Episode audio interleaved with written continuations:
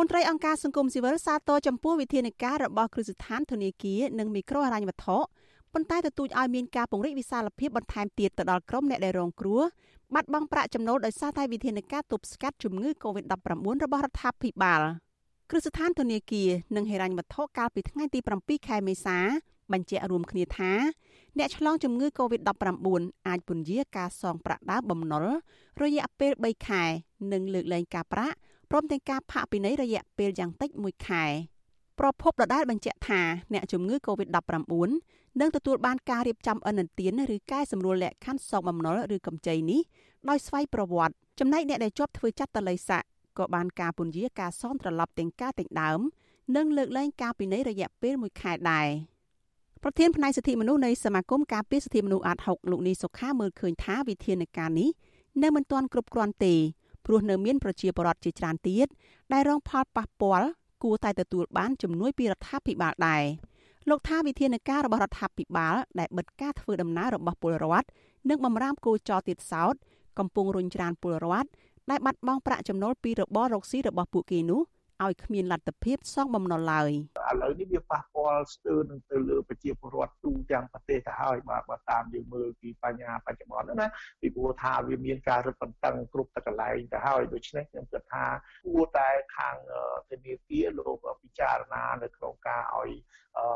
សម្រាប់ក្នុងការបង់ប្រាក់នឹងនៅក្នុងរយៈពេលណាមួយដែលកំណត់ ជាទូទៅទៅអានឹងវាជារឿងមួយដែលជួយសម្រាប់បន្ទុកទៅដល់បងប្អូនប្រជាពលរដ្ឋយើងបានមួយចំនួនធំបាទសង្គមស៊ីវិលនិងសហគមន៍ចំនួនជាង100ស្ថាប័នកាលពីថ្ងៃទី6ខែមេសាបានចេញសេចក្តីថ្លែងការណ៍រួមស្នើឲ្យផ្អាកបង់សងប្រាក់កម្ចីនិងប្រាក់បង្គរទៅគ្រឹះស្ថានមីក្រូហិរញ្ញវត្ថុនិងធនាគាររយៈពេល3ខែដើម្បីឲ្យប្រជាពលរដ្ឋបានស្នាក់នៅផ្ទះការពារខ្លួនកុំឲ្យឆ្លងជំងឺ Covid-19 ហើយទុកលទ្ធភាពឲ្យពួកគេ រកប្រាក់សងបំណុលធនាគារនៅពេលក្រោយវិញអ្នកនាំពាក្យគ្រឹះស្ថានមីក្រូហិរញ្ញវត្ថុលោកកាំងតុងងីឲ្យអាស៊ីសេរីដឹងថាគ្រឹះស្ថានមិនអាចផ្ដល់ដំណោះស្រាយរួមទៅគ្រប់ករណីទាំងអស់បានទេ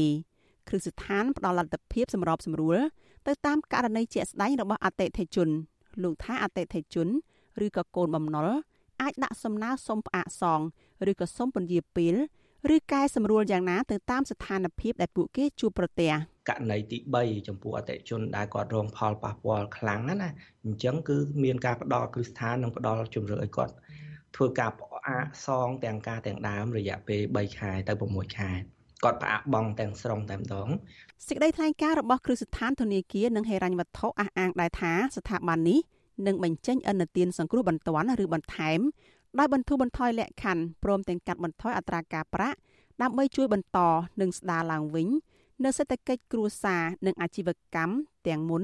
និងក្រោយពេលមានវិបត្តិក្រៅពីនោះស្ថាប័នគ្រឹះស្ថានធនាគារនិងហិរញ្ញវត្ថុ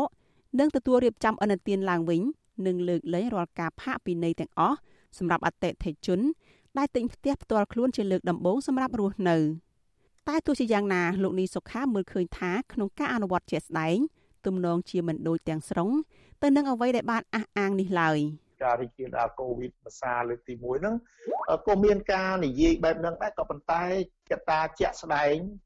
ការការដែលអនុវត្តជាក់ស្ដែងមែនតើនោះយើងគូមើលឃើញចឹងដែរឃើញថានៅតែមានការរអ៊ូរទាំពីអ្នកដែលខ្ចី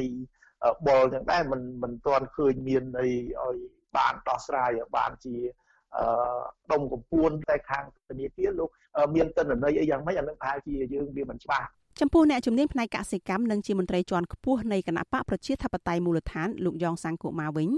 លោកថារដ្ឋាភិបាលមានទួនាទីដោះស្រាយរឿងនេះដោយត្រូវបញ្ចេញទុនបំរុងដែលមាន ជួយទៅដល់ស្ថាប័នផ្ដល់កម្ចី លោកបន្តថាបើពុំនោះសោតស្ថាប័នទាំងនេះអាចនឹងជួបបញ្ហាឬក៏ដួលរលំប្រសិនបើផលប៉ះពាល់ពីជំងឺ Covid-19 កាន់តែរាលដាលខ្លាំងថែមទៀតមិនមែនចេញសងជំនួស